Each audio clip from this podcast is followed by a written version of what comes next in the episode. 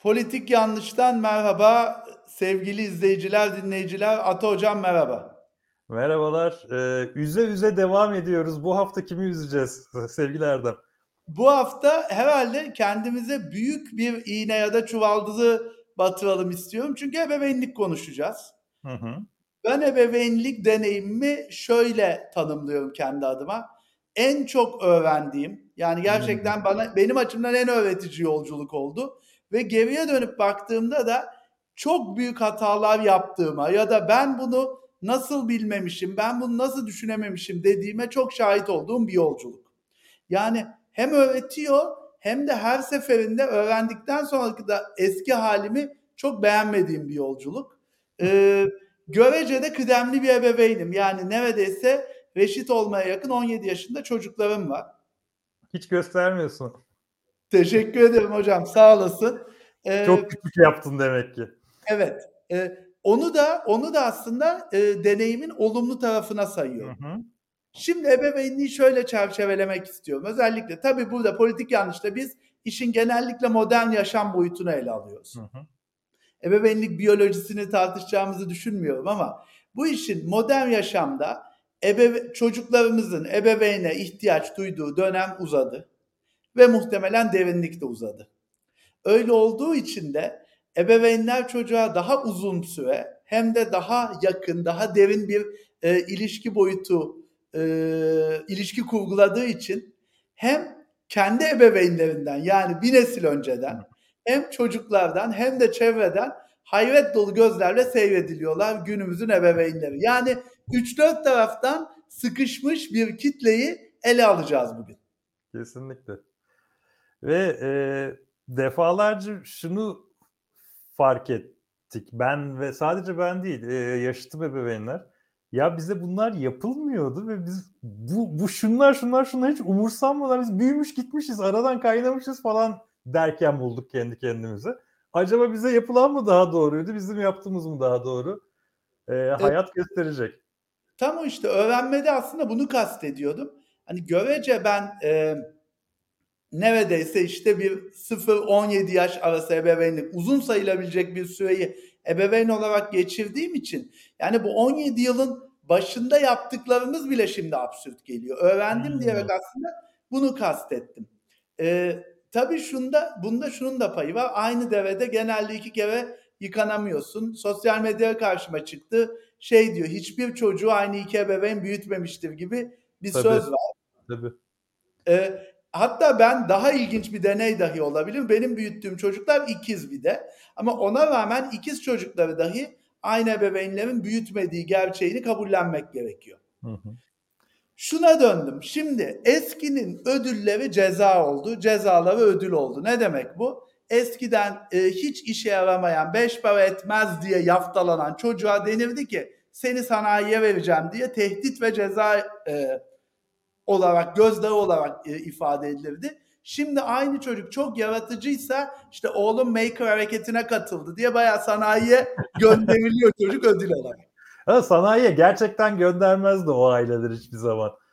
Ee, yani sanayiye gönderme tehdidi hep üzerinde konuştuğumuz e, orta sınıfın e, aslında gerçekten aklına hayaline bile gelmeyecek bir ihtimal olarak yani çocuğunu okutacak ve kendisinden biraz daha iyi bir orta sınıf haline getirecek o kurguda okul hayatından kopmaması için yapılan tehditlerden biriydi. E, ama sanayi ustaları öğretmenlerden fazla kazanmaya başladı e, günümüz toplumunda. Zaten bir de e, hem bunda haklısın hem de şu orta sınıf hayalde yıkıldı. Özellikle son dönemin dünyadaki daha ağır da Türkiye'de yaşanan ekonomik gerçekliğiyle orta sınıf bir mucize olmadıkça çocuklarını kendinden daha iyi hayat veremeyeceğini anladı kendi bindiği arabaya, kendi oturduğu eve çocuklarının e, kavuşma ihtimali neredeyse imkansız. Eğer çocukları sınıf atlamayı başaramazsa. Ev konusunda katılıyorum. E, araba biraz daha tartışmalı. Araba çok dönemsel bir pahalılık yaşıyor araba vergiler nedeniyle. E, arabaların da çok pahalı olduğu dönemler olmuş. 70'lerin sonunda hatta araba kuyruğuna girdikleri dönemde arabalar çok pahalıymış. Teker, teker olduğu dönemde. Ama eve inanılmaz ucuza ulaşmışlar bizlere göre. Yani bir emekli maaşıyla e, iki ev alan, bir buçuk ev alan ebeveynlerimiz olmuş. Ben bunu hatırlıyorum. Ee, annem ve babam öğretmen olarak emekli olduklarında ikramiyeleriyle birisi evi birisi arabayı kaba taslak kap alabildi. Ve, Ve şey hikayelerini çok dinledik. Yani kolumdaki bilezikleri vererek işte kooperatife girdik. O kooperatifle Ayvalık'taki yazlığı yaptırdık hikayelerini çok dinledik. Bunu bunu yine bir gün konuşuruz hocam. Be, benim en çok şaşırdığım hikayelerden birisi yani ev dediğimiz aslında bu inşaat kabaca birkaç bin yıldır değişmeyen bir e, teknoloji. Yani aynı demir, aynı çimento, aynı tuğlayla binalar yapıyoruz. Ee, diğer arabadaki elektronik cihazlardaki ev eşyalarındaki teknoloji her yıl böyle katlanarak artıyor. Ona rağmen onların fiyatı düşüyor, evin fiyatı katlanarak artıyor. Bu çok değişik bir durum. Ayrı bir program yapalım hocam buna. Ee, inşaat, evet. ya, inşaat malzemeleri de tabii ki değişti ve biraz daha kalitelileşti. Ee, ve düzgününü yapmak aslında o zaman da düzgününü yapmaları gerekiyordu ama o zaman pek düzgününü yapmıyorlardı. E, düzgününü evet. yapmak biraz daha pahalandı ama asıl pahalılığı arttıran arsa oldu. Tabii yani şey evet malzemeden şey yapıyorum fark var da yani şunu demeye çalışıyorum 1950'deki evle 2010'daki ev arasındaki malzeme değişiminin bin kat fazlası iPhone evet. 13 ile 14 arasında oluyor falan. Evet. Ee, Pahalanan şey arsa oldu ee, ve çok fazla insan işte arsaya ve talep gösterdiğinde ve şehirler aynı oranda büyümediğinde e, çok doğal olarak bir pahalanma yaşandı. Emlak sektörünü, emlak sektörünü belki şimdi birazdan ebeveynlerin parkta geçirdiği zaman e, bağlamında ele alırız. Ben bir iki ebeveynlik klişesiyle konuyu açayım istiyorum. Bir, kaliteli zaman geçirmek. Nasıl olur hocam? Yani ee, demin biz, senin söylediğin bağlamdan alıp öyle sorayım. Evet bize hiç yapılmayan şeylerden bir tanesi mesela. Böyle bir kaygı bir, yani böyle bir kaygıyı geç böyle bir kelimenin dahi olduğunu düşünmüyorum. Tabii. E, kurguda yoktu. Yani çocuk e, birlikte uzun süre vakit geçirilerek geliştirilmesi gereken bir varlık değildi. En azından bizim çocuk olduğumuz ailelerde. E, çocuğun ayrı bir hayatı vardı. Ara ara temas eder e, anne babayla. Zaten sokağa salınır. E, ve şey kaliteli zamanı arkadaşlarıyla geçirir çocuk ve ebeveynliğiyle baya bir az temas e, ederek hayatını devam ettirir. Zaten okul falan diye de devam eder. E, şimdi biz evlere kapandıkça, sokakta çocuk büyümemeye başlayınca, yani mahalle e, arkadaşları, mahalle kültürü yok olunca, çocuk evde olunca ve biraz daha bilinçli ebeveynler yetişince denilmeye başlandı ki kaliteli zaman geçirelim çocuğumuzla. İşte birlikte şunları yapalım, onu geliştirecek aktiviteler yapalım ee, işte çocuğun zekası şöyle gelişsin, müzik bilgisi böyle gelişsin, dans bilgisi öyle gelişsin. Bir yandan dil de öğrensin ki işte bizim yaşadığımız zorlukları yaşamasın gibi e, mümkün olduğunca hızlı bir şekilde o Matrix paket paketlerini çocuklara yüklemeye çalıştık. E, ebeveynlerin de şöyle bence bir suçluluk hissi var. Yani işte bundan bir önceki nesil bizi sayalım ya da işte X kuşağını sayalım. Şimdi oralarda aslında ebeveyn zaman olarak fazlasıyla evdeydi. Yani iş o kadar da vaktini almıyordu. 5 dedin mi devlet daireleri kapanıyordu. Fabrikalar kapanıyordu. Dükkanlar hafta sonu açılmıyordu. Yani böyle iş seyahatlerinde, bitmeyen mesailerde hmm. evinden uzak olan ebeveyn figürü pek yoktu. Çok önemli bir değişken daha var. Anne evdeydi. Çok Doğru. büyük oranda anne evdeydi. Aslında Doğru. Belki en büyük değişken bu. Belki değil bir numaralı değişken bu. Anneler de artık evde değil. Ee, anneler evde değil. Ee, ebeveynin ikisi birden daha uzun süre ev dışında ve ev dışındaki hayata daha uzun süre e, emek, enerji ve para harcamak zorunda. Yani eskiden de e, çocuğu olan aileler muhtemelen hayatından çok büyük fedakarlık göstermiyordu. Çünkü sosyal hayat bu kadar çekmiyordu onu. Hı. Tüketim toplumu bu kadar çekmiyordu. Kendi ebeveyn öncelikleri ya da birey öncelikleri bu kadar yoktu. Ne zaman ki o birey e, işiyle, kariyeriyle, kendi sosyal hayatıyla, iş seyahatleriyle, arkadaşlarıyla evden uzak vakit geçiriyor oldu. Bu sefer bir paniğe kapıldı ve bence bu paniği adresleyen tanım kaliteli zaman oldu. Yani tamam çok çalışıyorsun, e, evde değilsin, arkadaşlarından da kopmak istemiyorsun, haftada 2-3 dışarıda çıkmak evet. istiyorsun. Çocuğuna kendi annenin, kendi babanın sana ayırdığı kadar vakit ayıramadığın için merak etme. Kaliteli zaman diye bir paket koyduk. Onun içini doldurursan yanına bir çek atacağız. Bence kaliteli zamanın çıkış mantığı bu. Kesinlikle. Ve e, kaliteli zamanla ilgili İlker Küçükparlar'ın çok güzel bir tanımı var. E, senin hali hazırda yapmaktan zevk aldığın bir şeye onun eşlik etmesi onun açısından en kaliteli zaman diyor. Çocuğun için yaptığın şey değil diyor. Senin zaten zevk alarak yaptığın bir şeyde bu, bunu birlikte yapmanız gerçek kaliteli zaman o diyor. Zaten bütün çocukların bir şey hikayesi vardır ya sen en güzel Lego'yu alırsın ama o kağıt havlunun rulosuyla oynar falan böyle. Belki de çocuk bile gerçekten oyuncağın bir gerçeklik olmadığını fakat o kağıt rulonun ebeveyne dair bir gerçeklik olduğunu idrak ediyor olabilir. Ee, şöyle devam ediyorum o zaman. Şimdi bir kaliteli zaman e, olayı var. İkincisi de e, çocuğa fazla soru sorar olduk. Eskiden e, çocukların hmm. pek de tercih hakkı yoktu. Hatta aile içinde çocuğun temel kuralların hiçbirine ait bir tercih hakkı yoktu. Kendi hayatına dair bile tercih hakkı yoktu. İki seçenek de çok yoktu. Yani televizyon, tek kanallı, efendime söyleyeyim alınabilecek bir iki tane oyuncak var. E, hafta sonu ailece yapılabilecek aktivite sayısı belli.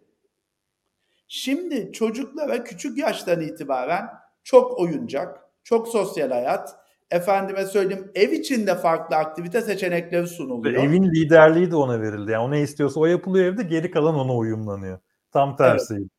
Ve e, geçen şeyi hissettik hatta e, şimdi çok güldük. E, bir, bir iki hafta inanılmaz bir şekilde e, ikimizin de işi gücü oldu ve çok uzak kaldık. Ee, sonra buluştuk şey ya güzel bir hediye alalım ya bir sevgilisini aldatan adam gibi pahalı hediyeler alarak eve gittik. sonra kendimize çok güldük. İşte bu kaliteli zaman telafisi oldu aslında. Evet. Ee, ben de 5 e, yıllık bir e, ebeveynim. E, yaklaşık işte 3 Aralık itibariyle 5 yaşına girdi oğlum Selim. E, ve bu 5 yıl için 5 yılın yaklaşık olarak 4 yılı modada, 1 yılı Beşiktaş'ta geçti ve e, bence bir çocuk için çocukluğunu geçirmesi açısından güzel olan bir semtte büyüttük onu ilk e, 4 yılında. E, benim de hayatımdaki en enteresan deneyimlerden bir tanesi oldu. Birkaç boyutuyla. E, birincisi e, insan dediğiniz varlığa dair pek çok varsayımınızı yıkıyorsunuz ve yeniden inşa ediyorsunuz bir çocuğun büyümesini izlediğinizde bir insanın yavaş yavaş yetiştiğini izlediğinde pek çok varsayımının değiştiğini görüyorsun ve gözünün önünde sana bir sürü şey öğretiyor. İlk gözlemim bu oldu. İkinci gözlemim toplum dediğiniz şeyi çocuğun olduğunda tanıyorsun. Ben bunu fark ettim. Çocuğun olduğunda bambaşka bir iletişimin oluyor. Çok fazla insanla gün içinde temas kuruyorsun, konuşuyorsun ve aslında halka karışıyorsun ve toplumun ne kadar önemli olduğunu çocuğun olduğunda anlıyorsun. Çocuğun yokken evine giriyorsun, çıkıyorsun, kimseyle muhatap olmadan belki aylarını geçirebiliyorsun. Ama çocuk varken e, sen toplumun bir parçasısın ve çok meşhur bir laf vardır ve gerçekten çok seviyorum ben o lafı. Ee, bir çocuğu büyütmek için bir köy gerekiyor. Evet. Ee, bunu, bunu hakikaten anladım. Çünkü o etraf, o sokağa çıktığındaki insanlarla ilişkisi, başka bir çocuğun annesiyle olan ilişkisi, simitçiyle olan ilişkisi, işte esnafla olan ilişkisi, e, parktaki arkadaşları, diğer anneler, babalar, hatta onların bakıcıları hepsi birden bir ilişki yumağı kuruyor ve e, bunun sağlıklı olduğu yerlerde sen de mutlu oluyorsun. Bunun sağlıksız olduğu yerlerde bunlar nasıl insanlar diyorsun. Yani topluma en ihtiyacın olan zaman aslında çocuğun doğduktan sonra başlıyor. İkinci gözlemlediğim şey de bu olmuştu. Zaten bugün biraz bundan konuşacağız. Yani çocuk bu topluluğu da inşa ederken buluyor kendini. Şunu demeye çalışıyorum. Ben kendi ebeveynlerimin, e, kendi sınıf arkadaşlarımın velileriyle bir hukuku, bir muhabbeti olduğunu bir iki istisna dışında tanıdığını bile zannetmiyorum. Şimdi ise böyle bayağı veli grubu komüniteleri oluştu. e, meşhur veli WhatsApp grupları, şakaları var çokça yapılan. E, ve az önce söylediğin çocuğun liderliğinin olduğu aile bir yandan orada bayağı şey çocukokrasiye falan dönüşüyor. her biri bir lider olan çocuklardan oluşan e, Hmm. işte 20 kişilik, 30 kişilik bir Evet. ebeveyn. Yani hepsinin tabi olduğu bir lider var. Bayağı garip bir duygu. Yani işte çocuk ismi verip şimdi şey yapmayalım ama işte bilmem ne benim oğluma şöyle yapılmış, benim kızıma şu denmiş, öğretmeni şöyle üzmüş diye her bir çocuğun bireysel tatmininin merkeze alındığı e çünkü ve, e, ebeveyn olarak veli olarak öyle bir ilişki kurmuş. Fakat o komünitede yani herkesin bir biat ettiği çocuk olduğu bir komüniteden Hmm. sağlıklı bir ilişkide bir o kadar zor çıkıyor. Bu da üçüncü gözlemimdi ve çok iyi hatırlattın. Ee, her biri birer bir tanesi, ailesinin bir tanesi çünkü artık az çocuk yapıyoruz. Yani eskiden altı taneden bir tanesi arada büyüyordu, kaynıyordu, gidiyordu. Şimdi evin biriciği, hatta işte anneannesinin, babaannesinin, şunların bunların ailenin biriciği halindeki e, 20 çocuk birdenbire 4 yaşta, 5 yaşta e, o kadar da biricik olmadığını, kocaman bir topluluğun parçası olduğunu fark ediyor. Ve bu geçişte pek çok çocuğun da zorlandığını gözlerimle gördüm. Biricik olmadığını fark ettiğin an, as- o kadar da özel olmadığını fark ettiğin an aslında bir çocuğun hayatındaki en önemli değişimlerden bir tanesi. Ee, bir, birkaç e, öğrettiği şeyi doğrudan e, hatırladıklarımı söyleyebilirim. Bir kere çocuk net bir şekilde kişiliğiyle geliyor. Hele 1960'ların 70'lerin varsayımıyla şu davranışçılık ekolüyle e, bize bir sürü yanlış bilimsel bilgi öğretmişler ya hala da bilim e, bilimin pek çok dalında onların izleri vardır. Hatalı bilgiler topluluğun izleri vardır. E, özetleyeyim davranışçılığın yetiştirmeye inanılmaz önem veriyor davranışçılık ve e, şu metotlarla yaparsan çocuk şöyle olur, şu metotlarla yaparsan böyle olur, şunu yaparsan fazla içine kapanır, bunu yaparsan işte özgüvenli olur falan gibi e, neredeyse bütün mevzuyu yetiştirme metotlarına dayandıran ekollerle e, işte annelik babalık kitapları üretilmiş. E, işte psikologlar öyle yetiştirilmiş o dönemlerde falan. Neyse ki Allah'tan bilim kendi yaptığı hataları da tamir ederek ilerliyor ve e, kişiliğin pek çok özelliğinin doğuştan geldiğini bugün bilimsel bilgi olarak biliyoruz. Örneğin kişiliğin beş boyutunun her birinin yüzde kaç oranıyla doğuştan yüzde kaç oranıyla yetiştirmeden geldiğini biliyoruz. İçe dönüklük, dışa dönüklük mesela aklımda kalan boyutlardan bir tanesi yüzde 55 doğuştan geliyor. Yani ben beni o kadar rahatlatan bir bilgiydi ki bu da ilk karşıma Hı hı. çıktığında. Ee, ama bir yandan da yaşam da bana çok öğretiyordu. Bir kız bir erkek ikiz çocuklarım var. Yani kabaca e, maruz kaldıkları ebeveyn e, paterni yüzde 99.9 falan aynı. Hı hı Ama. Dediğin gibi Bayağı yani aynı- kontrollü deney yapıyorsun. Bayağı kontrolde aynı bardaktan aynı suyu içiyorlar. Aynı oyuncakları var ya da işte e, benzeri aynı sofradan yemek yiyorlar falan görüyorsun. Ve o kadar yani hem bebeklikleri hem çocuklukları hem de ergenlikleri boyunca hala o kadar farklılar ki bu aslında bir ebeveyn olarak beni rahatlatmıştı. Yani Hmm. sanıldığı gibi ideal ya da doğru bir ebeveyn davranışı yok. Çocukların her birinin ihtiyaçları var. Bu ihtiyaçları idrak edebilen, sağlıklı bağ kurabilen ebeveyn var. Ve, Ve bu- kişilikleri var ve bu kişiliklerin farkına varabilen ebeveynler var. Onları yontmaya, öğütmeye çalışan değil, farkına vararak e, yolunu rahatlatmaya çalışan ebeveynler daha doğru hareket eden ebeveynler. Ee, fakat şunu da şimdi e, söyleyeceğim. Yani ebeveynlere ben gömmeye çok hazırım kendim dahi. Fakat ebeveynlerin başta edelim. e, Üzerinde çok büyük bir baskı var.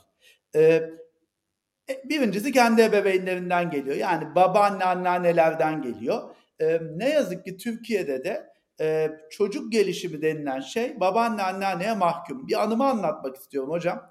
Ee, yıllar önce bir İsveç şirketinde çalışırken e, İsveç'ten işte iş için bir toplantıya gelmiş hamile bir arka, iş arkadaşım vardı. İşte e, doğum izni, kreş falan böylesi konuları konuşuyoruz. Ne kadar dedi Türkiye doğum izni? Yanlışım olmasın o zaman iki ay mı üç ay mı neydi? O kadar dedim. Kadın dedi ki muhteşem. Ne kadar şanslısınız dedi. Şimdi ben de duymuşum aslında İsveç'te bu süre çok daha uzun. Ondan sonra neden dedim? E dedi ki doğum izni 3 aysa demek ki devlet 3 aydan itibaren kreşe alıyor olmalı dedi. Diğer türlü doğum izni olamaz dedi. Şimdi sosyal devlet onlara şunu söylemiş. Çocuk evden çıkma yani annenin babanın işe döndüğü gün devlet sahip çıkıyor. Türkiye'de ise annenin babanın işe döndüğü günde devletin ya da özel kreşlerin sahip çıktığı zaman arası anneanne, babaanne ve bakıcı dönemi. Evet. Burada arkada ciddi bir devlet ideolojisi var.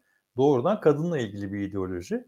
Kadınların çalışma hayatına e, karışması o kadar da devletin istediği bir şey değilmiş. Zaten iş mevcut iş sayısı belli. Erkek çalışıyor, kadın da evde e, sağlıklı bir toplum yaratmak için çocuğu evde büyütmesi gereken bir varlık. Bütün aile kurgusu, bütün ülke toplumun kurgusu bunun üzerine kurulu. O yüzden devlet bir de bunu kolaylaştırayım demiyor. Özellikle e, sağ partiler. E, kadının iş hayatına karışmasını kolaylaştırmak istememişler. Ee, işte üstüne bir de anneanne babaanneyle bunun ikinci türevi gelmiş evet. oluyor. Ve gerçekten de kadınlar için iki nesil zorlu bir hayat. Ee, ikincisi de e, ebeveynle yani çocuklar için de bence şöyle bir zorluk yaşanıyor. Bir süre öz ebeveynlerinde kalıyorsun. Ondan sonra topluma karışmadan bir önceki neslin ebeveyn kurgusunu deneyimliyorsun. Hı hı. Yani sanmıyorum anneanne babaannesine emanet edilmeyen eğer sağlarsa çocuk olsun. İlla ki emanet ediliyor anneanneye, babaanneye, dedeye ve işte e, anne babanın o kitaplarla okuduğu modern kurguların yanında bir geliyor çocuk işte ne bileyim yer sofrasında yufka açarken buluyor falan anne şaşırabiliyor baba şaşırabiliyor. Bakkaldan her istediğini alıyor dedesi buna bu verilir mi diye sinirlenirken görüyorsun.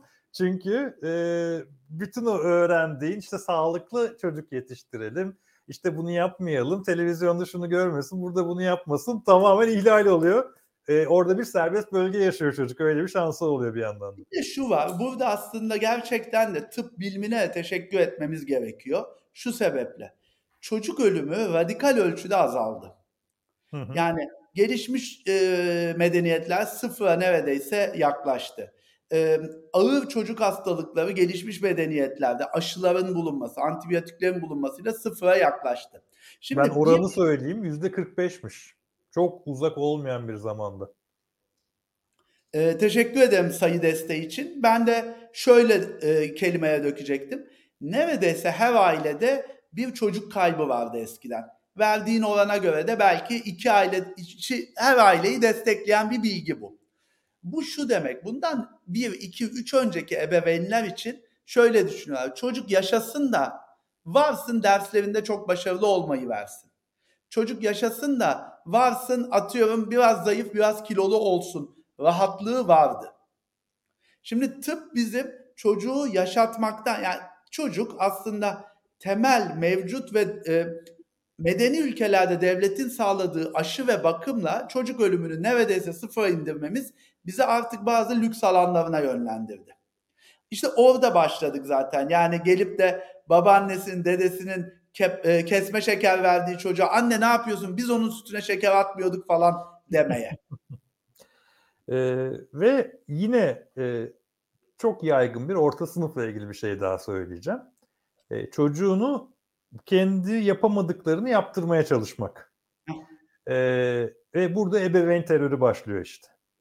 Yani e, sen doktor olamamışsın. Ona e, sürekli doktor olması gerektiğini pompalayacak. Hediye olarak doktor şeyi vermek, işte okulunu ona göre seçmek, testleri ona göre hazırlamak, hoca olamamışsın, hoca olmasına şey yapmak. E, ve işte Geçen dil öğrenememişsin, dil konusuna inanılmaz e, şey yapmak. Geçen bölüm dedik ki herkes doktor olmak istemiyor ama demek bir kesimin de içinde kalmış bu yani. Kalma, kalmaz olur mu? Yani e, yani toplumun üçte birinin hayal mesleğidir bence hala. Bütün o e, imaj kaybına rağmen. Ee, şeyde bir önceki nesilde yani belki bizim dedelerimiz, anneannelerimizin neslinde şeydi. Çocuklardan, torunlardan doktor olması şu sebeple bekleniyordu. Bana bak. Bana baksın. doktor olursun, bana ilaç yazarsın, tansiyonumu ölçersin. Evet, toplumla ilgili e, net öğren öğrettiği çocuğun bir şey daha var. Herkes kendini düşünüyor. Süper. Herkes kendini, anne de kendini düşünüyor. Ya şöyle anneler gördüm. Ee, evden işte iş diye çıkıp e, işi var diye işte annesine verip çocuğu nefes almaya çıkan, gezip akşam eve gelen e, anneler işte e, o, o boğulmayı yaşayan işte e, ben çocuğa bakarım yavrum diyen ama e, bir süre sonra istifa eden, bakım bakım görevinden istifa eden anneanneler, babaanneler. E, her şey o kadar yolunda gitmiyor yani e, pek çok ilişkide. Çocuğun e, tipine, haline, tavrına çok bağlı olarak değişiyor ve aslında çocuk bakarken de herkes kendini düşünüyor. Onu mutlu ediyorsa, onu rahat ettiriyorsa çok rahat ediyor çocuk değil mi? Bir süre sonra yük gibi gelebiliyor pek çok insana çocuk. Kendi annesine babasına bile. Yani ebeveyn terörüne geleceğiz çünkü o gerçekten konuşma istediğimiz ana öbekte duruyor. E, şu da vardı yani bir önceki neslin kırsal toplumunda çok çocuk vardı. İlk çocuktan sonrasına ebeveynler bakmıyordu zaten. Büyük çocuk hmm. küçük çocuğa bakıyordu bir yerde.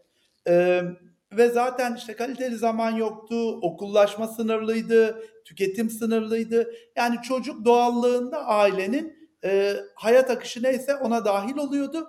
Büyükten küçüğe de bir hiyerarşi vardı zaten. Yine dayanamayıp e, istatistik vereceğim. İlk çocukların hayat başarısı daha yüksek, geliri daha yüksek, kariyer başarısı daha yüksek, işte evliliğinde mutlu olma ihtimali daha yüksek, yüksek yüksek. Bayağı bir ilk çocuğun avantajlı olduğu bir evrimsel skala var. Büyük oranda bu nedenle. Yani biraz daha aile ona özgüven veriyor. E, ilk çocuğa biraz daha özeniliyor. Ben aslında daha tam tersi zannediyordum. E, çünkü ikinci çocuğa doğru ailenin refah seviyesi biraz daha artar, ona biraz daha iyi bakar, biraz daha tecrübelenir. 2-3 daha iyi olur diyordum. Ama net istatistikler bir, birin daha iyi olduğunu gösteriyor. İlk Senin çocuğun... pozisyonun ne hocam? Efendim ben ikiyim. İki, ben de ikiyim. Ee, birkaç kişinin olduğu iki, e, iki çocuklu bir ailenin ikinci çocuğu. Evet benim de. Aynı şekilde. Böyle bir kalabalık sohbette e, bir gün böyle bir tespit ettik. Atıyorum 6-7 kişi vardı. Bir kişi büyük çocuktu, diğer herkes 5 kişi küçük çocuktu. Hepimiz birleşip ona sen şöyle dedik. Sen küçük çocuk olmanın acısı nedir bilmiyorsun. Bunda da hem fikir olduk hocam. Nasıl? Ne ee, mesela? Yani şöyle e, tabii ki de bütün deneyimler özel ve özneldir ama e, bence üçlü bir hiyerarşiye doğuyorsun. Ya da kendinden büyük kardeş hmm. sayısı birden fazlaysa yani dörtlü beşli bir hiyerarşiye doğuyorsun. Bayağı askerde işte onbaşı, yüzbaşı, binbaşı, albay, yarbay yukarıya doğru giden bir hiyerarşi var. İki, e, dünya adlı garip yere doğuyorsun ve oraya sana yakın dönemde doğmuş ama gayet de güzel uyum sağlamış dost mu düşman mı bilemediğin bir karakter var. Yani bir yandan özeniyorsun diyorsun ki bak o ne güzel uyum sağlamış bu dünyaya. Ben de sağlayabilirim. Ama işte o ebeveynlerine mi yakın, sana mı yakın onu idrak edemiyorsun. Dediğin gibi o şey hali çok doğal. Ee, özellikle kentli hayatlarda ebeveynin tükenmişliği çok doğal. Bir de şey Şimdi, çok yaşanıyor. Ee, ilk çocuğu işte damacanı sularıyla yıkadık, banyo yaptık. İki, ikinci o özenmedik, o da büyüdü gitti arada versiyonu çok yaşanıyor. Tabii tabii. Hatta yaş ve cinsiyet durumuna bağlı olarak abinin ablanın oyuncakları, onun giysileri, onun kitaplarıyla büyüyorsun. Hı Sen bile sen bile o elden düşmeliği hissediyorsun zaten. ee, şimdi e, biz e, ebeveyn terörüne geri dönelim. Hadi Ve ben bakalım. Biraz biraz klişelerden devam edelim. Birincisi e, ya da kaçıncısı bilmiyorum. Çocuğu adına konuşan ebeveyn. Yani şu. İşte biz de brokoliyi hiç sevmeyiz. Dün Su, gece hiç... Sude Naz'la çok zor uyuduk bugün. Ya biz, biz zor uyuduk. Bugün evet, de hiç tadımız yok. E, ya da e, etraftaki toplumdaki bütün bireyleri çocuğun hitabıyla dayısı bak bakalım. Babası sen ne diyorsun? E, annesi e, gel de oynayalım gibi yine aslında çocuğa kaldırabileceğinden zor bir yük verdiğini düşünüyor. Çocuğu çünkü gereksiz bir merkeze alıp bütün herkesin pozisyonunu o çocukla kurduğu ilişkiye göre betimliyorsun. Ebeveyn yani, terörü deyince benim de aklıma ilk şey geliyor. Aşırı bilinçli anne. E, mo- modada büyüttüm dedi ya moda mesela. Onlarla da moda anneleri derdik biz hatta şaka yollu. Ee, işte okullarda... Moda ebeveynleri diyelim o kadar politik yanlış olmasın. Bak ben de modalıyım. Moda babalarını görmezsek ayıp olur. Evet yani e, moda babaları da genelde e, illallah etmiş oluyorlar bu aşırı okul konusundaki aşırı bilgili anne profilinden, eğitim konusundaki aşırı bilgili anne profilinden, yemek konusundaki aşırı titiz anne profilinden babalar genellikle bezmiş oluyorlar. E, benim gözlemlediğim genellikle o oldu. E, ama aşırı hassas babalarla da tanıştım tabii. Yani çok garip. E, her konuyu sorun eden, her sürekli akşama kadar soru soran, sürekli çocuğu darlayan babalar da gördüm tabii ki. E, şimdi bu aşırı bilinçli olduğunu düşünen e, profil anaokulundaki öğretmenlerin ve müdürlerin hayatını zehir ediyor bir kere. İşte mesela şey şey yaşanmıştı. Moda park, parkında olay oldu. İşte modada iki tane özel okul var. E, ikisi de küçükçe özel okullar. Bir tanesi e, daha alternatif olan okul. İşte başka okul mümkün e, versiyonlarından bir tanesi. Bir tanesi de işte e, odanın ortasında bir okul. E, beş çocuk birden orada e, şey görüyor ve veliler birleşip kahvaltıya baskın düzenliyorlar.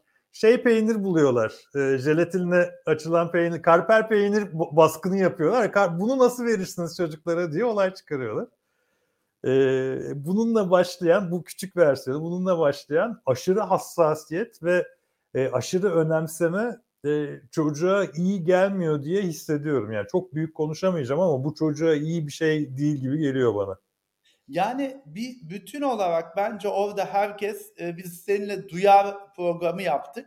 Duyar seviyesini maksimuma alıyor kendi çocuğu olduğu için. İkincisi de diğer çocukların ve diğer velilerin olduğu, öğretmenlerin olduğu ortamda bunu çarpı beş kat sergiliyor.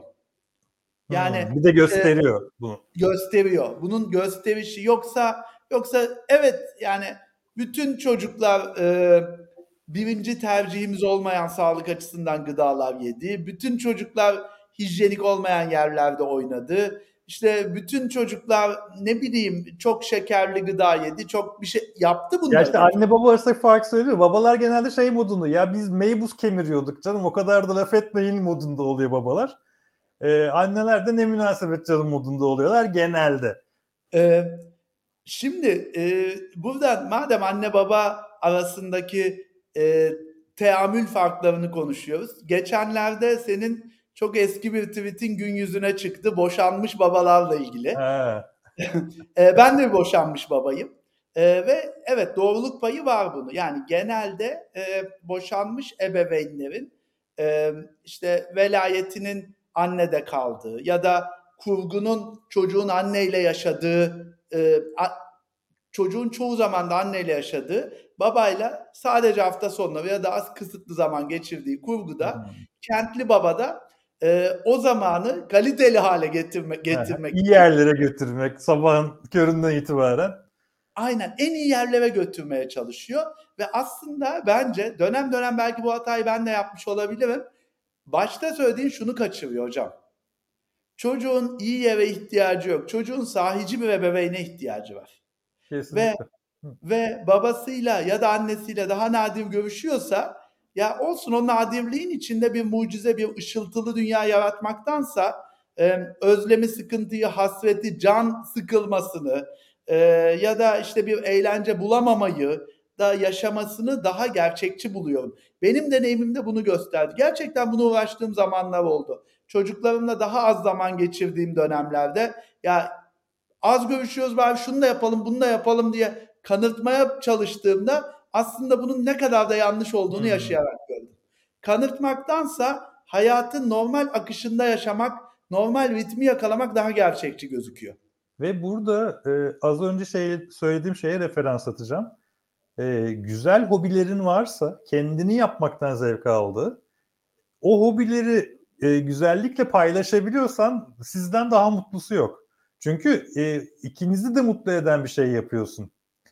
E, ama şey versiyonu da oluyor. E, babayı kırmamak için onun birisinden hoşlanıyor gibi yapmak e, gibi versiyonlar da oluyor ama öbürü ikisinin birden zevk aldığı bir şeyi yakalamak ve gerçekten bunu çocuğum için yapıyorum. Bak ben çocuğuma şu vakti ayırıyorum değil. E, o günü özlemle beklediği bir hale getirmek iki taraf için de en kıymetli seçenek. Geçen e, sosyal Instagram'da çok takipçili e, birinin e, şeyini gördüm, paylaşımını. Küçük yaşta bir çocuğuyla e, yılbaşı ağacı süslüyorlar. Ama yani çok takipçili ebeveynin aslında amacı e, elbette ki onu süslemek vardır ama aslında onun videosunu atmak. Hı hı. Ve diyor ki 5 saat sürdü diyor. Şimdi orada aslında yani ağacın 5 saat sürmediği ortada. Çocuğun çok mutluymuş gibi annesinin babasının kucağına sıçrama videosunu yakalama mücadelesi 5 saat sürdü. Ee, verdiğin örnekte şunu e, gözlemliyorum. Şimdi bazı klişeler var. İşte atıyorum baba oğul balığa gitme, işte birlikte tamir yapma, birlikte yemek yapma gibi aslında doğallığında çocuğun ilgi duyabileceği ya da duyamayacağı böylesi hayat biçimleri var. Ben düşünüyorum mesela yani bizim zamanımızda e, biz muhtemelen sorumluluktan kaçmaya çalışırdık. Haydi bakalım gidelim Evet. de çünkü bize zaten erken verilirdi sorumluluk. Şimdi şimdiki çocuklar bununla ilgili ne hissediyor bunu kestirmekte zorlanıyorum. Yani babasıyla balığa gitme ve o büyük aktiviteye olmaya mı çalışıyor? Ya baba nereden çıkardın mı diyor çocukların geneli. Evet, hiç gerçekten içinden geliyor bu. Ee, ben burada şeyi buldum mesela. Ee, daha hiç ço- çocuk yokken, e, çocuk yapmaya niyetim dahi yokken e, tam karşı apartmanda bir baba oğulun çok düzenli halde e, Lego oynadığı bir odayı görüyordu e, bizim salonumuz ve e, onları imrenerek baktığımı hatırlıyorum yani o sahneye. E, gerçekten de fiili olarak ben oğlumla Lego yaptığımda çok keyif alıyorum. E, hatta eşim çok dalga geçiyor. Ben kaptırıp. Aferin babası falan diye ben de dalga geçiyor. Çünkü ben onu bayağı bir e, onun kadar yapıyorum. E, keyif alarak ve zamanın nasıl geçtiğini unutuyorum. Yani böyle 3-5 tane şey yakalasan hayat akıp geçiyor zaten. Katılıyorum. Ee, şimdi şeyden devam edelim madem. Yani ebeveynler e, bir dedik ki bilinçli ebeveynler hayatı çocuklarına, çevrelerine, yetkililere e, zindan ediyorlar. Ee, ikincisi de şey e, nasıl diyeyim toplumun tümünün çocuğun ihtiyaçlarına e, sessiz kalması gerektiğini düşünenler. Güzel anlatamamış olabilirim. Oturuyorsun bir yerde Çocuk bağırıyorsa benim çocuğum bağırır. Tabii çocuktur bağırır. Ee, Evet. Türk, Türk çocuğu olduğunu mesela yabancı bir ülkede bile anlıyorsun o çocuğun. Türk annesi, Türk babası olduğunu. Şimdi orada deminki sözünü izninle kullanacağım. Zaten söz bilinen bir söz. Çocuğu bir köy bir çocuğu büyütmek için bir köye ihtiyaç vardı. Ee, Türk çocuklarının bağırıyor olmasının yegane sebebinin onun ebeveynleri olmadığı açık. Çünkü Türk çocuklarının enerjisini boşaltacağı ortam yok. Ee, ben şahit olduğum kendi çocukluğum, e, efendime söyleyeyim e, çocuklarım ya da başka etrafta büyümesine şahit olduğum çocuklarda bir kere yasak miktarı çok fazla. Koşma, bağırma, işte onu ağzına getirme. Hatta şunu çok net hatırlıyorum kendi çocukluğumdan ve birçok çocuktan. İşte evde mesela aile büyüklerinden namaz kılanlar oluyor. Yapma, önünden geçme, günah, Kur'an okunuyor falan. Aslında çocuğun içinde kalmış bir şey var. Ee, çığlık atma durumu var. İki, Ya bu, bu burada aynı fikirde değilim. Burada tamamen çocuğumdur yapar e, tavrı sınırsız anne babanın etkileri daha çok gibi geliyor bana öyle çocuklarda. Ee, Ben kendi kontrol ya da kendi kontrollü değil de gerçek deneyimi söyleyeyim. Ee, tam olarak bunu yaşadığım dönemler oluyordu. Çocuklarımı adeta susturamıyordum. Ya da Hmm. susturma demeyeyim de zapt edemiyordum. Küçükler iki yaşındalar. Oraya gidiyorlar, buraya gidiyorlar, koşturuyorlar, yetişemiyorum. Ee, tam o dönemde böyle bir 10 gün falan İsveç'te e, zaman geçirmiştik. Hocam bir gözlemledim ki bütün çocuklar aynı şekilde zapt edilmiyor ve zapt etme çabası da yok. Toplumda da yok, ebeveynde de yok. Kentler çocuk dostu. Ne demek çocuk dostu? Hı. İşte kaldırımlar bebek arabasına uygun, park miktarı fazla. Ee, çocuk yere düşen şekerini alıp yese de bundan çok büyük dram yaratan bir kirlilik de yok. Bundan dram yaratan bir topluluk da yok. Ve bir baktım ki orada aslında çocuk zapt edilme yani çocuğu zapt etmeye dair bir gündem yok. Ve o aydınlanmayla Türkiye'ye geri döndüm. Dedim ki tamam ya olay buymuş yani artık çocuğu biz de zapt etme kaygısına düşmemeliyiz. Ertesi gün ya da o hafta parkta aynı çocuklar aynı rahatlıkta oynuyor. Yere düşen şekeri ağzına attı. 20 kişi annesi gördün mü, babası gördün mü, yavrum. yani burada ebeveynin o özgürlüğü de yok. Hmm. Ee, burada Ü- üşür diye kaç kişi birden karışıyor değil mi bebeği, bebeği sürerken? 100 bin kişi hocam sokakta durduruyorlar babası bebesini tak diye.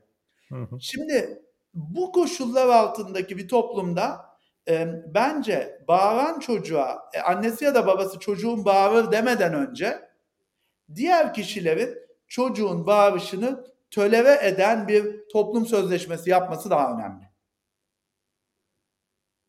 Aa, ben hiç hiç yakın değilim, açık da değilim o toplum sözleşmesine. Ee, bağıran şımarık çocuğa çok katlanamayan insanlardan biriyim. Kaç peki çocuk bağırmamayı kaçıncı günde öğrenecek? Yani biz hangi çocuğun e, bağırmasına ya da ağlamasına toleranslıyız? Gerçekten beni kızdırdığını fark ettiğinde ve beni kızdırmanın bir bedeli olduğunu anladığında bağırması azalıyor zaten o çocuğun. İster 3 yaşında olsun ister 4 yaşında olsun. Bedelsizliği yaşadığında e, bağırmaya devam ediyor. Yani o, o sınırlara ihtiyacı var bence çocuğun. E, bence de- ben burada ben de buna katılmıyorum hocam. Çocuk e, bağırmanın, oynamanın e, normal gündelik hayat akışı içinde olabileceğini fakat her zaman da bir karşılığı olmayacağını anlasa bunu doğal bir alışkanlık içinde sönümleniyor. E, diğer ülkelerde çocuk hiç mi bağırmadı? Elbette bağırdı. Ya tabii bunun sk- skalası var. Şimdi skalanın en ucundaki çok korkunç bir çocuğu gözünün önüne getir. Ve e, annesi falan yılmış. Hocam ben Yani e, bu bir skala. Yani ço- çocuk tabii ki bağırır. Evet. Ama o skalanın öbür ucuna geçtiği ve ger- gerçekten şımarıklığın sonucu o hale geldiğinde gözlemleyebiliyorsun pek çok çocuktan. Yani, yani bir, ben uçak, bir e, uluslararası uçak yolculuğu yaptığında bile Türk çocuklarının e, çok daha e, bağıran, çok daha şey rahatsız edici olduğunu gözlemliyorum. İşte, ben de burada Türk bu, bunu yani m, hem gözlem varsa araştırması yapan ölçüm de çıkar elbette. Yani THY uçaklarına bir ağlama sensörü konsa ve işte Lufthansa uçaklarına ağlama sensörü çıksa, konsa muhtemelen Türk uçaklarında daha çok çıkar. Buna Lufthansa'da da Almancılarda da. Orada Buna- bilet ismine bakman lazım.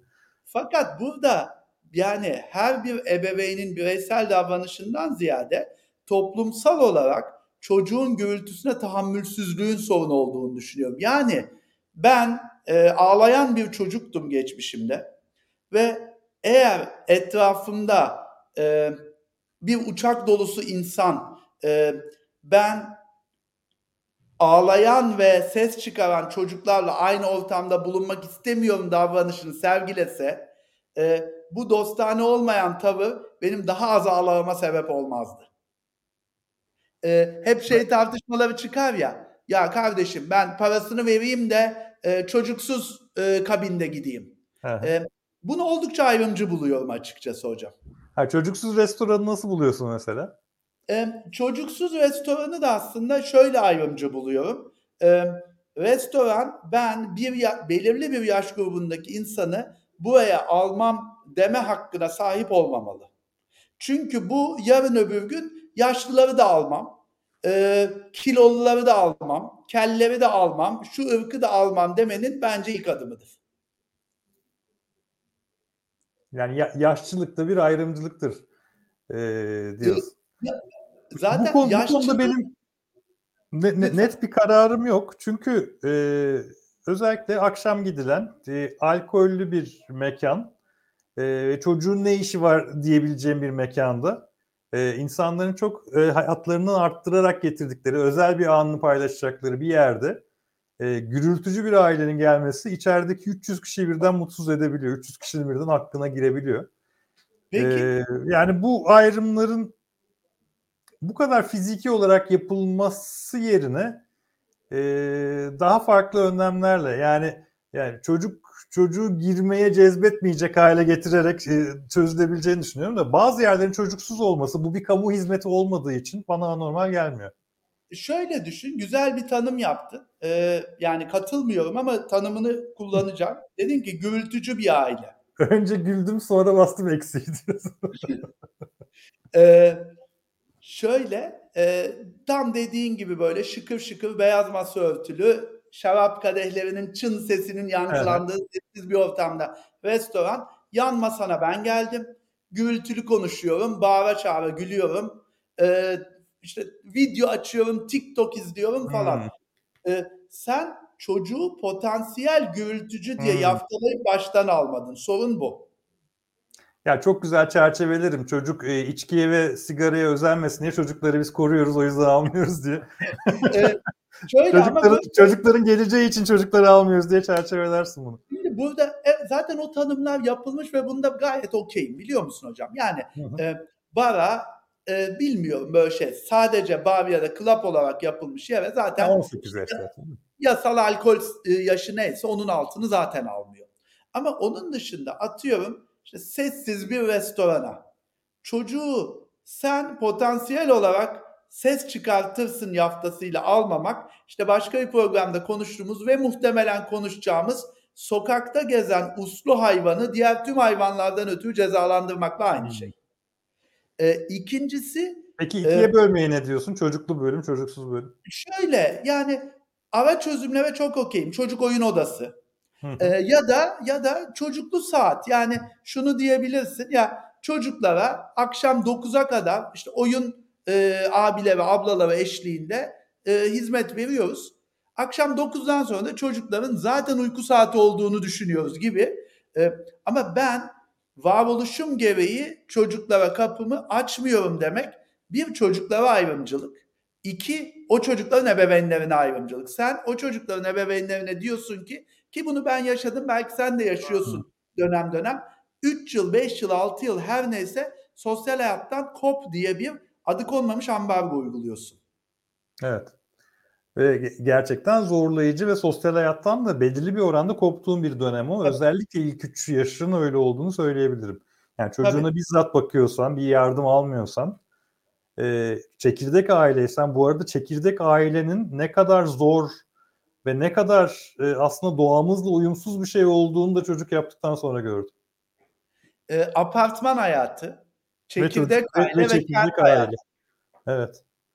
E, yani şöyle e, benim iki tane kent hayatına dair iki büyük aydınlanmam oldu aslında. İşte birisi ebeveyn olduktan sonra ikisi de 2013'teki gezi dönemi ve ondan sonra Hmm. baktığımda kentlerimizin ne kadar ağaçsız parksız kaldığı. Bunu işte bir Google Map'ten bakınca falan görüyorsun. Bir de çocuğun varsa bebek arabasını gezdirebileceğin park ararken görüyorsun. Hatta e, tahminen tahminen değil, deneyimlemediğini bildiğim başka bir sorun söyleyeyim sana hocam. Bebek arabası sürmek kaldırımlarda çok zor. İkiz arabası sür- sürmek imkansız. Of. Önlü arkalı mıydı, yanlı yanlı mıydı? Yanlı Neredeyse bir araba eninde bir şey o çünkü. aynen öyle. E, ve o gün de engellileri anladım. Tekerlekli Evet, sandalye evet. kullananları anladım. E, benim çocuklarım e, genelde yanlı yan yana olandan denediler. Önlü arkalıyı hiç sevmediler. Arkada kalan rahatsız oluyordu. Ha, ikili yan yana olunca birbirleriyle bir etkileşimleri var. Eller kollar oynuyorlar falan. Ama zaman içinde onun böyle en darını buldum özel bir yerlerden ki hani böyle 1.6 bebek arabası elindeydi. Anca onunla hayatını sürdürebiliyordun. Yani şunu söylemek Asansöre bile sığdıramazsın öyle bir şey. mümkün değil. Hocam otomobil e, bildiğin otomobil bagajı bile e, ikiz arabası ve ikiz puseti falan bunlar kolay kolay sığmıyordu açıkçası. E, şuna geleceğim yani biz kentleri e, otomobillere göre Hmm. e, ve tek yaşayan e, maksimum e, işte dediğin gibi çekirdek ailelere göre dizayn ettik. evet. Kent evlerinde çok çocukluya yer yok. Kaldırımda engelliye, yayaya, çocuğa, ikiz, üçüz farklı senaryolara yer yok. Ve işte ne, ne kadar zorlandığımızı e, çok iyi hatırlıyorum. E, özellikle tam olarak bu, bu saydığın mevzulardan. Ve önemli bir sene, e, neredeyse 2-3 sene e, bayağı biz çekirdek aile olarak kendimiz büyüttük çocuğu. Neredeyse minimuma yakın yardım alarak e, kendimiz büyüttük ve bütün o şeyleri ben bir baba olarak da çok yaşadım. Yani toplumun e, bebekli aileye olan bakışı e, ve şey ne, çok net gözlemi söyleyebilirim. E, gelir grubu yukarıya doğru gittiğinde e, çocuklu aileye ilgilenme daha azalıyor. E, daha gelir seviyesi daha düşük kesime geldiğinde çocuk çok daha rahat kontak kurabiliyor. Çok e, e, e çok net bir gözlem olmuştu. E, daha doğal, daha dobra ilişki kurabiliyor. E, amiyane tabirle halktan dediğimiz insanlar çocuklarla. Muhtemelen işte e, daha halktan dediğin az gelir sınıfındaki insanlar kırsaldan, köyden kopuşunu daha geç gerçekleştirmiş ve çocuk orada köyün, e, komünün... Doğalı. Hı hı. Evet. Ee, Öbürü diye... az önce benim kendimi tarif ettiğim gibi bir kitle. Çocuk gürültüsüne hoşlanmıyorum efendim diyen bir kitle. Kitap okumam lazım şurada. Niye çay bahçesindeyim kitap okuyorum. Niye dibime de oturdular. Ben oyum şimdi. O adam da aslında ben çocuğumla geldiğimde o adam da o. Ee, ee, iki, bir de kentli e, çocuklarda yani işte kentli soylu, aristokrat ya da üst sınıfın çocukları aslında şeyle bir yükle, bir soyadıyla doğuyor. Ve o soyadı çocuk doğduğu günden itibaren hem e, kültürel, sosyal bir sermayenin hem finansal bir sermayenin varisi olarak doğuyor. Hmm. O yüzden de o çocuğa bence e, işte filmlerde gördüğümüz ya da şahit olduğumuz lalalar, bakıcılar, müebbiyeler eşliğinde aslında ona fazla bir hayat enjekte ediliyor ve üst sınıftaki kişiler e, tamam diyor çocuğun ihtiyaçları neyse yapıldı. Bir de benim onunla zaman geçirmeme gerek yok diye düşündüğünü tahmin ediyorum. Olabilir. Ee, toplum birbirine bakışında da başka pozitif bir şey söyleyebilirim. Ee, ben insanları çocuğum olduktan sonra daha çok sevdim. Ee, daha e, toplum geri kalanı çok daha mesafeliydim. Ee, ama çocuğumla birlikte sokağa çıktığımda birisi gelip oynadığında, sohbet ettiğinde ben de çok da, doğal bir şekilde ona sohbet ettiğimde e, oğlumun da çok daha iyi hissettiğini hissettim kendimin de ve insanların sıcaklığı e, şimdi sen tek başına bir erkek olarak gezdiğinde kimse seninle durduk yerde oturup konuşmaz. Ama çocuğunla çıktığında ki muhtemelen köpek sahipleri de hissediyordur benzer bir şeyi e, herkesle konuşuyorsun. Yani içinden konuşmak gelmese bile o gün herkesle sohbet ederken buluyorsun kendini ve bu da seni topluma yaklaştırıyor. E, ve başka bir yönden daha yaklaşıyorsun. E, benim çocuğum olduktan sonra üniversitedeki işte e, memurların dahi bana bakışı değişti. Daha saygı duymaya, daha sevmeye, beni daha sevmeye başladılar. Daha açık söyleyeyim. Yani sadece kendisi için yaşayan işte bencil bir e, insan profilinden çıkıp bir çocuk yetiştiren bir figüre dönüşüyorsun ve toplum sana biraz daha iyi gözle bakıyor. Aa ne kadar baba, e, işte şöyle bir baba, çok ideal bir baba, ne kadar güzel baba oğul fotoğrafları. E, farklı bir gözle bakmaya başlıyor toplum sana çocuğun olduktan sonra. E, bu benim de hoşuma gitti ama ben e, Bunlara ilaveten yan etki ve senden belki farklı bir etki olarak şunu da söyleyeceğim. Ee, kimi insanlara da işte çocuğa karşı toleransı, tahammülü, anlayışı, diyaloğu sağlıklı olmayan insanlara karşı da böyle şey gözümden e, ateş e, evet. çıktığında biliyorum. Ben kendim gibi biri gördüğünde sinirleniyorum mesela. Hocam bir de biz seni görünce ne düşünüyoruz öyle düşün. e tabii ki doğal olarak benim de çocukları olan sabrım çok arttı ve çok değişti. Yani başka çocuklarla oynarken dahi buldum kendimi hiç yapmadığım hareketlerdi. Doğru, doğru. Ee, son olarak da belki e, şunu çekirdek aile demiştin o zamandan beri söylemek istiyorum. Gerçekten kentlerde kardeş miktarı oldukça azaldı.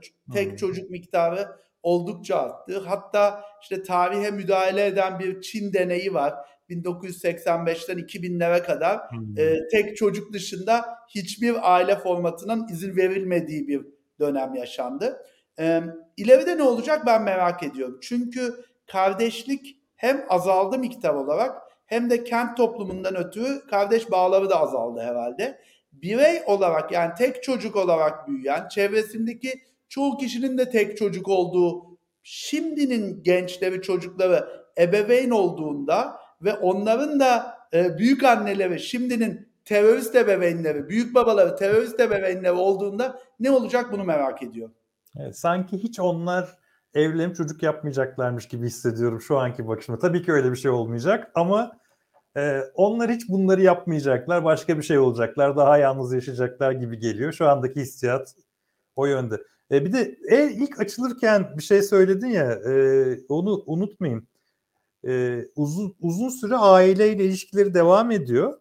Ve bitmeyen bitmeyen ergenlik diye bir sendrom var. Şey, işte gene ta, tanımdan çok hoşlanıyor. Kesin Amerika'dan çıkmıştır. Bitmeyen ergenlik diye bir kavram çıktı. E, 30 yıl öncesine göre e, 18 yaşından 35 yaşına kadar annesiyle babasıyla yaşamaya devam eden gençlerin sayısı böyle iki kat falan artmış. Hatta İtalya'da e, öyle bir haber çıkmış. İtalyan erkeklerin yüzde 65'i annesiyle yaşamaya devam ediyormuş. E, ev kiraları İtalyan erkekleri ana kuzusu yaptı diye haberler çıkıyor. Ve bu bitmeyen ergenlik başka bir şeye dönüşüyor. Şimdi e, aslında daha güzel bir hayatı olması için bir an önce o bir önceki sert kuşaktan kurtulmaya çalışıyordu. E, bizim kuşağımız ve bizden öncekiler. Hızlı e, evlenip daha biraz daha ferahlıyorlardı. Kendi hayatlarını kuruyorlardı. Şimdi an, şu anın çocukların anne babaları da nispeten daha katlanılabilir, daha sıcak tipleri olduğu için onların e, yanında e, sanki bekar hayatı yaşıyor gibi yaşayabildikleri için bu çocuklar yaşamaya devam ediyorlar. Hiç çalışmayan ve hiç okumayan ama anne babayla yaşamaya devam eden bir sürü çocuk var. E, kesinlikle evlenmeye falan niyetleri yok. Zaten hayat pahalı. Ev alamıyorlar, ev kiraları çok pahalı. E, ve bir bitmeyen ergenliğe doğru gidiyor. O çekirdek aile uzun süre birlikte devam edecek, birlikte yaşlanacak gibi gözüküyor. Benim de aklımdaydı bunu konuşmadan kapatmadığımız iyi oldu. Ee, şuna da döndü. Yani mevcut e, meşhur babam ve oğlum filmini anımsayalım. İşte e, idealleri için solcu devrimci olan ve bu yolda üniversiteye gitmek isteyen bir oğul var. Kırsal kesimdeki babası gitmeseydi tutsaydım diyor. Oğlan babayı devirip geçerdi. Senaryo buna dayanıyor. Şimdi olsa ne olur? Baba der ki hadi gel birlikte devrimcilik workshop'una gidelim diye. yani çocuğun aslında kendini yıkmasına da izin vermeyeceği için hmm. e, çocuk da o kaslarını haliyle kullanmıyor ve yuvadan uçmayı bilmiyor. Gördüğün, gördüğüm en ilginç örneği söyleyeyim mi hocam? Yani siz eminim şey görüyorsundur defalarca işte üniversitenin çeşitli aşamalarında e, velisiyle okula gelen insan görmeye başlamışsınızdır. Ya tez öğrencim babasıyla geldi biliyor musun? Hocam ben iş görüşmesine annesiyle gelen gördüm. Gerçekten. Evet. Benim en üst noktam oydu. İş görüşmesine annesiyle gelen. Ee, bir de tam tersi yani tam tersi değil aynı doğrultuda başka bir örnek daha gördüm. Dediğin gibi o birlikte yaşama deneyimi. Ee, ebeveynin hali vakti yerinde çocuğa diyor ki ya bak e, sana e, ev tutalım işte şeyinle partnerinle birlikte orada yaşayabilirsin artık falan. Diyor ki madem partnerimle birlikte yaşayabiliyorum geleyim ben sizde yaşayayım burada daha rahat ediyorum. e, bitmeyen ebeveynlik zor ve gerçekten bu kuşağı e, zedeleyebilecek bir durum. Çünkü çocuklar, gençler, ergenler e, kanat çırpmaya geç başlıyorlar. Az önce söylediğin hmm, ekonomik gerçeklik çok önemli. Sadece kiralar değil, e, eğitim de çok pahalı artık. Yani çocuklar işte 20 26-27 yaşındaki masterlarını, 30-35 yaşındaki doktoralarını devlet Biraz ya da, ergenlik uzatmak için master yapma gibi bir şey de var. E, e, karşılayamıyor da yani mecbur kalıyor. Evet. 30 yaşında babasından, annesinden okul parası istemek zorunda kalıyor. Peki hocam yani burada şöyle toparlayalım.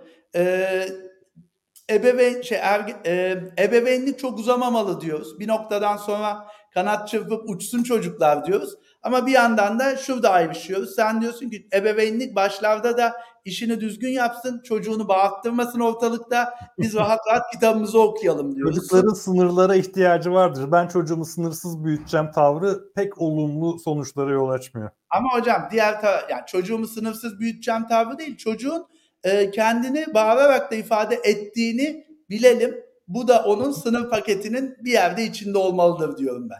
Ben de bir son söz söylemeye çalışayım.